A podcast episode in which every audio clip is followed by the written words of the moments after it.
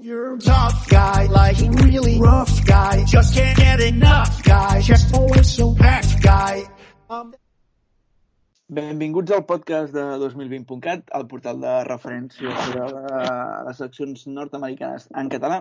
Actualment també estem col·laborant amb el Nacional.cat, el diari digital, i estarem un podcast per parlar sobre dos processos electorals que han passat aquests dies, que són Iowa i New Hampshire, bàsicament les primàries dels demòcrates, i per fer-ho, hem, avui ho fem amb el Pau Nadal, el Carles Aulés i el Blai Avià, i jo, l'Alexandre Golovin, i bàsicament i directament i, i molt ràpid, si us plau, us demanaria que em féssiu un petit comentari sobre què us ha semblat um, com han anat el, el caucus d'Iowa i les primàries de New Hampshire i després ja entrem a debatre. Si vols començar tu, Pau.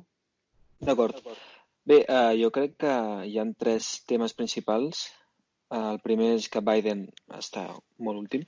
Després que uh, el Bernie està primer a tot, amb un Buttigieg també que li està al darrere, i després que, doncs, que la, la Klobuchar s'està doncs, consolidant com a l'alternativa al PIT. Carles, si vols. Jo el que m'agradaria destacar sobretot és que fins ara hem tingut uns resultats molt determinats perquè estem en uns estats molt determinats. Ara bé, jo crec que la veritat, amb Nevada i Carolina del Sud, un estat molt llatí i un estat molt negre, i sobretot el Super Tuesday, que ja serà el dimarts eh, 3 de març. Llavors, de moment, tenim uns resultats que, com bé diu el Pau, Sanders i Buttigieg estan endavant, però jo tot això ho posaria a l'espera perquè no crec que es pugui fer un anàlisi eh, gaire adequat fins que no tinguem els resultats de Nevada i Carolina del Sud. Llavors ja sabrem fins a quin punt Biden està enfonsat, fins a quin punt Sanders i Buttigieg es consoliden. Blai? Sí, no, jo... Una cosa que em sembla interessant, ja més enllà del que ha dit el, el Pau i el Carles, eh, de, diguéssim, que tenim Sanders i Buttigieg al, al davant, eh, una cosa que em sembla interessant és que al llarg de, diguéssim, tota aquesta temporada de primàries hem tingut una constant molt clara que era, diguéssim, Biden molt, molt al capdavant i, diguéssim, la resta estaven en una mica una competició pel, pel segon lloc. I ara amb aquests dos, amb aquests dos bueno, el càlcul d'Iowa i New Hampshire, això ja, diguéssim, s'ha trencat per complet. Vull dir, Biden jo el veig amb molt, molt poques possibilitats de, diguéssim, de guanyar les primàries. Vull dir, em sorprendria molt, a part de potser el seu estat de Delaware, que guanyés amb alguna cosa més, i potser ni això.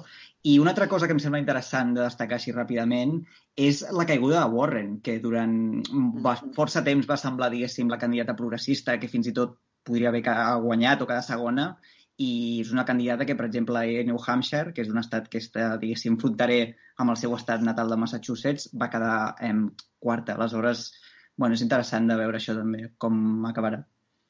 Sí, jo crec que estic bastant d'acord, perquè, um, diguem-ne, alguna cosa que hem tingut clara fins ara és que dins del... Si poguéssim dividir les primàries del partit en dos sectors, el moderat i el, el més radical, el més progressista, que, que no estic a favor eh, tampoc de dividir el partit en aquests, en aquests dos grups, però si ho féssim, uh, teníem molt clar que el candidat líder uh, era Biden en el sector moderat i que alhora uh, uh, el feia ser el frontrunner uh, fins, bueno, fins, fins a Iowa bastant clar. I després teníem com el sector més progressista o més liberal, més radical, de dir com vulguis, està tot, era bastant una mica messi, no? Vull dir, no, no sabíem què, què passava, no sabíem qui, qui, qui lideraria. Sanders, diguem, partia amb avantatge, però Warren semblava molt forta. I hi havia altres candidats que eren molt bons, també Kamala Harris es presentava com una candidata progressista, uh, tenim Andrew Yang, uh, bueno, i, i, ha estat, i ara de cop ha estat com en, poc, en pocs dies ha estat tot el just al contrari. És com que en el sector progressista bàsicament estem veient que Sanders s'erigeix com la figura principal i líder i en el sector més centrista o més moderat és com s'ha trencat tot i hi ha una lluita per veure qui s'emporta eh, diguem-ne, el lideratge d'aquest sector. Per Clar. mi, seria, per mi seria això el més important. Clar, jo crec que una cosa que és interessant d'això que dius és que això aplana bastant el camí, jo crec, per a, per a Sanders, perquè una mica la, eh, no? Això, vull dir, jo ho he vist bastant a Twitter últimament, però recorda bastant a l'elecció, diguéssim, de Trump el 2016 de les primàries, on els, diguéssim, republicans moderats, en podríem dir, no van estar com d'acord en posar-se, en, diguéssim, donar el seu suport a un candidat en exclusiu, no? Teníem Kasich, teníem Rubio, i, sí. diguéssim, això va com aplanar el terreny cap, cap a la nominació de Trump. Aleshores, jo això crec que és una cosa que podria passar amb, amb Sanders, perquè, clar, tens Buttigieg, però també tens Klobuchar, i es van com menjant els vots una mica. Tens Biden per allà, que, vull dir, ara potser guanyarà una mica de pes als estats del sud, on encara té sí. eh, suport, sobretot entre la comunitat afroamericana. Però, clar, això pot, pot, pot uh, anar bastant a favor de, de Sanders. I una altra cosa que, li, que pot beneficiar molt, que no se'n parla tant, jo crec, és que uh, Biden té un contingent de, de diguéssim, de votants molt important que eh, la, seva segona, eh, la seva segona preferència seria Sanders. Aleshores, si Biden, diguéssim, continua que és una cosa, vull dir, pot semblar bastant poc intuïtiva, però bueno, si tu mires més o menys les, les enquestes i tal, més o menys és així. Aleshores, si Biden continua, com sembla que continuarà, eh, diguéssim, de, de capa caiguda, eh, no sé, quart, cinquè o tercer, diguéssim, sense no guanyar gaire, eh, és molt probable que hi hagi, diguéssim, un contingent important de votants que es passi a Sanders. Aleshores, eh, clar, el tema, vull dir, se, se li plana bastant el camí a la nominació.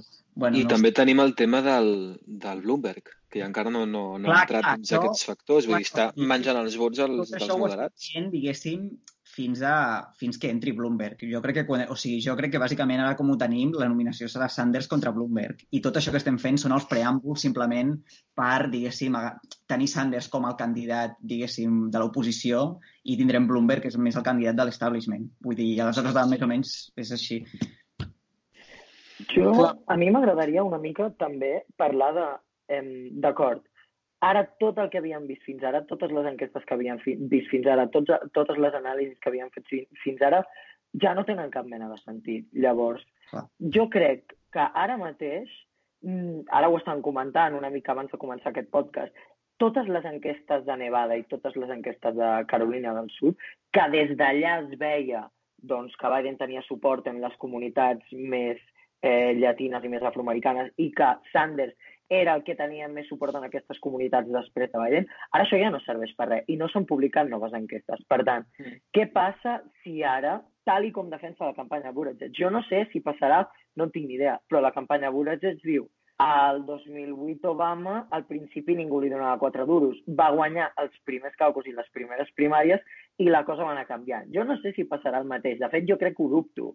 El que passa és, què passa si ara resulta que en totes les enquestes la gent diu home, si ja no podem votar Biden, votem a Buttigieg. Si no podem votar Biden, votem a Klobuchar. Clar, ara tot aquest suposat poc suport potser ja desapareix. Potser això, aquesta tesi per la qual diem que Buttigieg no creiem que arribi a, a competir amb Sanders per la eh, nominació, potser ara ja es desfà clar, jo crec que ens falten moltes dades per poder veure exactament quina és la tendència, perquè tot el que teníem fins ara ja no té cap mena de sentit. I a part d'això, un apunt que feia Warren, eh, justament en el, en el discurs de, de New Hampshire, eh, deia que el més important és que el Partit Demòcrata no guanyarà unes eleccions si el partit està dividit. I jo crec que això és molt important. Si no aconsegueixen cap dels dos candidats aglutinar una, un conjunt eh, molt diferenciat de demografies per poder guanyar el Trump mm. en els estats del sud, en els estats més diversos, però també en els estats blancs, com Pennsylvania, Wisconsin, Michigan, en què tradicionalment havien guanyat els demòcrates, la cosa està perduda. Llavors jo crec que també s'hauria de veure una mica en aquest eh, escenari de llums llargues. Clar, jo crec que tot això... Perdó, perdó, anaves a dir... No sé si... Jo crec, Ah, jo crec que tot això eh, en realitat va bastant a favor de Sanders perquè, diguéssim, Sanders tenia un... Ara, ara diguéssim, fins arribant a Iowa en les últimes dues o tres setmanes, que ja està pujant bastant les enquestes, tenia un competidor molt clar que era Biden. Aleshores, la idea de Biden era, fins i tot si Sanders, diguéssim, guanya Iowa i New Hampshire, com, com ha acabat passant, eh, Biden té com un tallafocs al sud, vale? que és el seu, diguéssim, gran suport afroamericà, que li dona bastanta, diguéssim, avantatge respecte a Sanders. Eh, clar, el problema és que el 2016, per exemple, quan Sanders va guanyar a New Hampshire, eh, els, diguéssim, analistes deien, bueno, ha guanyat New Hampshire perquè és un estat molt blanc, que és veritat, perquè, diguéssim, el 2016 eh, Sanders tenia un, uns, un, uns votants que eren molt majoritàriament blancs. Per exemple, crec que Hillary li treia un no sé com si dic, 25% de vots amb afroamericans, però això canvia bastant. O sigui, jo crec que ara, precisament, eh, la gran cosa a destacar no és que Sanders hagi guanyat New Hampshire, sinó que ha guanyat New Hampshire precisament tot i que és un estat molt blanc. Eh, aleshores, jo crec que anant cap al sud, eh, tant Buttigieg com, com Klobuchar són dos candidats que no tenen, jo crec que tenen molt poques perspectives com amb la comunitat afroamericana, perquè els Clar, dos tenen... Amb les eh, dades que teníem fins ara, és el que dic. No, sí, també, però ja més enllà de les dades, que és veritat que fins ara les dades eh, anaven molt en contra seva, Buttigieg, per exemple, té un historial eh, bastant, diguéssim, qüestionable amb, diguéssim, quan era alcalde de South Bend, amb els, un, un, un cap de policia i un cap del departament Sí, sí, d'incendi. Es va, es va fer negres, fora. El primer, el primer cap de policia negra va fer fora, no? Exacte, i tot això es va veure reflectit l'altre dia que Biden va llançar un, un, un anunci, diguéssim, contra, contra Buttigieg i Sí. Mencionava això. Eh, això també després en podem parlar de l'Oxiquet. Eh, aleshores, jo crec que Klobuchar, per exemple, va condemnar un noi negre, no sé, una història que no, no he seguit molt, però va condemnar un noi negre que semblava Sí, sí. Que, no, que era innocent, un noi jove, i, bueno, vull dir que tampoc no, en principi no, no, no té gaire, no tenen gaire standing. Aleshores, clar, al sud jo crec que és on ha d'entrar Bloomberg sí o sí perquè si Bloomberg no entra amb acció al sud i sembla que té bastant suport amb els afroamericans i aquí sí, sí que aquí sí que serà interessant veure com funciona perquè Bloomberg també té un historial, diguéssim, nefast eh, com a alcalde de Nova York amb els afroamericans, doncs serà interessant veure com van els anuncis i els atacs contra Bloomberg, però jo crec que ni Buttigieg ni Klobuchar, o sigui, Buttigieg i Klobuchar jo crec que ja han tocat el seu sostre. I jo Clar, crec que per que- aquí només poden baixar. Clar, clar, és que per mi també és això, és a dir, um, s'ha donat la casualitat que, bueno, que els dos primers estats són estats que soci... em, demogràficament eren molt, diguem-ne, molt propicis perquè Buttigieg i, i Klobuchar, diguem-ne, fessin uns bons resultats i això, evident, això evidentment té uns efectes en la campanya en general i el, i el Buttigieg sense, sense aquests bons resultats, diguem-ne, no estaria fent o no estaria millorant les enquestes d'altres estats en què en principi em, teníem menys, menys possibilitats, no? I tot, tot això està, està relacionat, però alhora és com et trobes que Biden per ara, està, to, que jo no, tothom l'està donant com per mort i jo encara no ho crec, i et pots trobar que Pitt uh, ho has fet molt bé ara, però ha tret vots a Biden. Biden arriba al sud i ho fa bé, però no el suficient com per erigir-se com a líder eh, indiscutible del seu sector. Després, l'Amy també més o menys va fent les coses i treu eh, vots i delegats dels altres. Llavors et trobes de cop arriba Bloomberg, que amb la seva pasta, que ho està fent bé les enquestes i que a sobre uh, ho peta també, bueno, no ho peta, però diguem té bons resultats o molt millors que els del Pitt i els de l'Amy amb el tema latinos i afroamericans, i clar, et pots trobar que a poc a poc es van movent cadascú en el seu momentum o on ho pot fer millor i que junts, el seu momentum, el que fa és arruïnar qualsevol nominació d'un candidat centrista i li dona la nominació a, a, bueno, a un radical com el Bernie Sanders. Per això crec que també és important que, que arribin a algun acord amb la Warren. És a dir, que li donen la vicepresidència o que li donen el que sigui, o sigui, el que demani, tot, gratis, el regal que vulgui, perquè la Warren ha d'aguantar i aconseguir que el Sanders, diguem-ne, no s'emporti tots els del seu sector. Saps? És a dir, que Warren el, el que faci és treure-li delegats a, a tots els estats possibles. Exacte, això és interessant el que deies de, de Warren, perquè jo crec que Warren ho vaig veure ahir bastant clar en el discurs, diguéssim, de post, post resultats que va tenir, que va ser un discurs molt, molt crític amb Sanders, que era teòricament el seu aliat, i una cosa que em va, em va semblar bastant interessant és que va felicitar personalment a Klobuchar, mencionant-la Mm, per sí. nom. Bueno, Sí. és que són, són amigues. Clar, clar, són, si són amigues i tal, però tu diries no, que per, per lògica pura el seu aliat Mm, sí. ideològic més gran, que Sanders, quan guanya una prima, unes primàries el felicitaria ell primer, i Mm. en lloc d'això el van atacar. Aleshores, jo crec que Warren en els últims mesos ha fet un, un, un gir cap al, cap al centre, fins i tot cap a la dreta bastant pronunciat, i jo crec que Warren em, acabarà, diguéssim, amb, no sé si amb Klobuchar o, o amb Biden, o, però pot ser, sens dubte, un, un, un asset important pel sector centrista que busca em, treure-li delegats a Sanders, perquè si no, en realitat Warren ja hauria d'estar plantejant-se deixar la campanya, perquè Mm. ara bàsicament el que està fent és prendre-li suport a Sanders. Jo en tot això el que, el, que, el que jo crec és que els demòcrates haurien de mirar, abans de eh, optar per un candidat que sigui el millor president, haurien d'optar per un candidat que pugui mm, guanyar la presidència de Donald Trump. Amb un candidat tan, entre cometes, ex, eh, extremista, com diuen els republicans, que és eh, Bernie Sanders, que és un socialista, com diu ell mateix, eh, no sé si els demòcrates ho tenen tan fàcil per agafar els vots dels més moderats entre republicans i demòcrates i que no sàpiguen a qui votar i vegin que Trump, ostres, és ridícul com a president i com a persona, però uh, l'economia funciona. Llavors, jo crec, crec que els demòcrates haurien de, de centrar-se entorn d'algun candidat més moderat. Ara que el Buttigieg sembla que té momentum, doncs sembla també que està agafant el... Jo, jo, jo que no estic d'acord, jo, jo crec que, diguem, el, el, o sigui, idealment, en, si el sistema polític funcionés per a la perfecció i, diguem, tothom busqués el benestar comú, crec que els demòcrates no haurien de buscar algú que pugui guanyar, sinó algú que fos un bon president, perquè jo crec que algú que pot guanyar és Bernie Sanders i Bernie Sanders jo, jo, sí crec, jo sí crec que puc guanyar. Jo crec que pot guanyar contra Trump. I llavors, sí. el, però, però pot, o sigui, jo crec que el millor candidat per guanyar contra Trump, o un bon candidat per guanyar contra Trump, és Bernie Sanders. Però alhora no seria un bon candidat per ser president. I per tant, l'escenari hipotètic i cada cop més possible i més probable eh, de Trump contra Sanders em sembla el pitjor dels escenaris i la pitjor notícia pel país i, i per la presidència en si.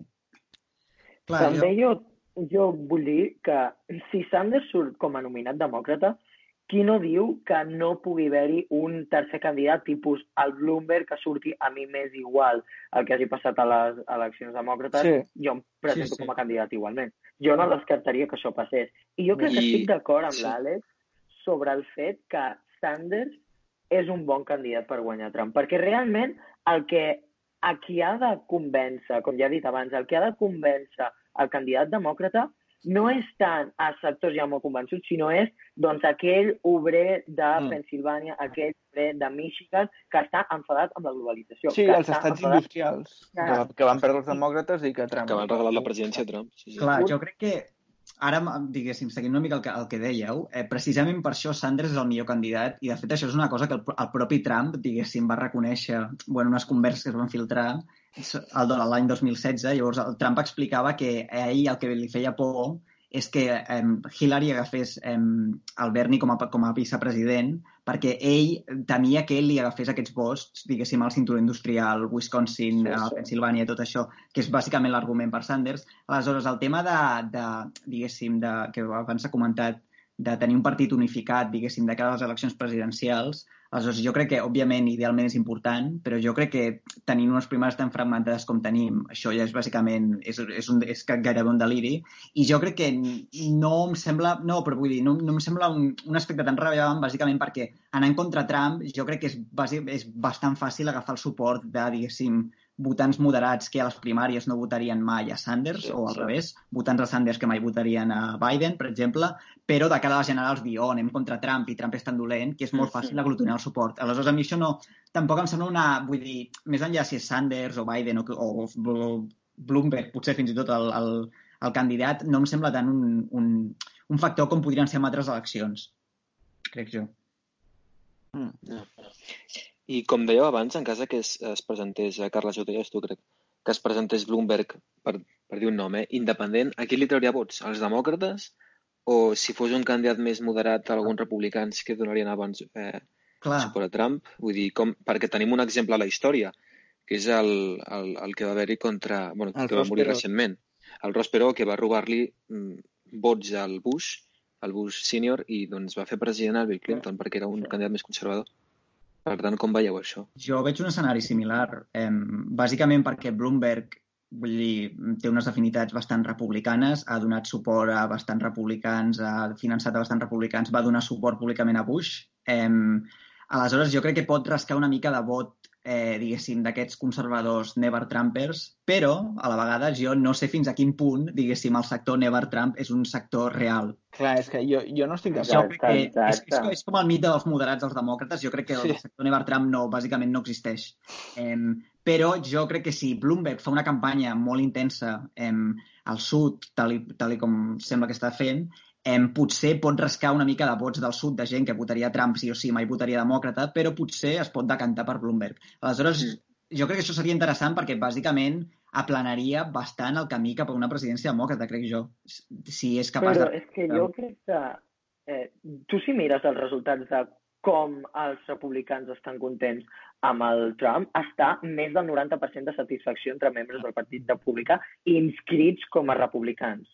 És a dir, que jo crec que de republicans pocs se n'aniran cap, a, cap a Bloomberg. no, no, no. Llavors, aquest, aquest, aquest tros entremig és això que deies tu. Jo no sé si existeix. Jo crec que Bloomberg acabaria restant per No, mi, no, des però- del meu punt de vista, més Sí, sí. dels demòcrates que no els republicans. Ah, clar, però és que el problema està aquí és que jo no estic parlant d'una massa molt important de vots. Vull dir, aquestes eleccions igual es, es, es determinen per 500.000 vots a Wisconsin o un milió de vots a Pensilvània. Vull dir, Clar, clar, però, jo ja... Mateix. Aleshores, clar, fins a quin punt, digués, no ho sé, però una altra cosa que, clar, és, ara estem parlant de Bloomberg molt hipotèticament, però, clar, Bloomberg, que és un candidat nou, vull dir, la gent bàsicament el reconeix ara pels anuncis de, de la televisió que estan, la gent, clar, mo- molta gent, sobretot adults, miren molt la tele i no els hi paren de sortir Bloomberg, Bloomberg, Bloomberg, i això ho he vist mirant, diguéssim, gent que, per exemple, anava a fer amb campanya porta a porta, diguéssim, a New Hampshire, així, i molta gent li, li sonava Bloomberg i quan li preguntaven, ah, què et sembla Bloomberg? No sabien què dir, però ells tenien com la imatge de veure'l vistant. Aleshores, jo no sé fins a quin punt el suport de Bloomberg es considerarà un cop tota la campanya, clar, no només Sanders, sinó pensa també Buttigieg, a Biden o qui sigui, es girin contra ell. Aleshores, Sí. eh, clar, no ho sé, vull dir, igual, Però jo- igual jo no aguanta o igual no. Jo no estic d'acord amb que Bloomberg trauria més vots als republicans que per als demòcrates. És a dir, vale que ell va ser alcalde de Nova York sent republicà, vale que va donar suport a Bush, um, tot el que vulguis, però les coses han canviat tant en pocs anys que, diguem el que eres abans ja no importa. El Trump mateix ha estat un demòcrata tota la vida, ha estat un liberal de Nova York, Sí. empresari, però un liberal de Nova York, m'entens? Uh, I de cop passa a ser un tio conservador que està en contra de l'avortament, que és religiós però no se sap cap versicle de la Bíblia, uh, i, i, i pot anar al CIPAC i, amb, i, i connectar amb els evangelistes, m'entens? Sí, sí. Llavors, el Bloomberg, ara de, el, el Bloomberg doncs, de, tenia el perfil que tenia, però ara és un tio que s'ha dedicat bàsicament un, eh, un tio que té prestigi, que s'ha dedicat a atacar Trump. Mhm. És el que s'ha dedicat. O sigui, ell està aquí per atacar Trump. La seva campanya es basa en això. Sí, i la seva popularitat, i bueno, ara més o menys popularitat, eh? però les seves o els seus resultats en les enquestes jo crec que al final han- hauran de passar per la prova dels debats. I Clar. quan la gent vegi el Bloomberg al, de, al, als debats i el vegin a ell Sí. físicament, perquè és com, com, com dèieu, no? que doncs, la gent li sona perquè ha vist anuncis, però clar, és el tema. Si fas anuncis tu pagues perquè la gent et vegi com tu vols ser vist. Els Mm. debats et fan preguntes que no t'esperes i llavors has de respondre com, com Clar. puguis. Llavors, crec que serà algo semblant al que li ha passat al Biden. O sigui, serà una cosa similar en, en quant a com, com ha de respondre ell i, i com queda de cara a les teles o doncs, que emetin els debats. En general, jo també diria que si, si el resum d'aquesta conversa jo crec que està anant una mica per aquí.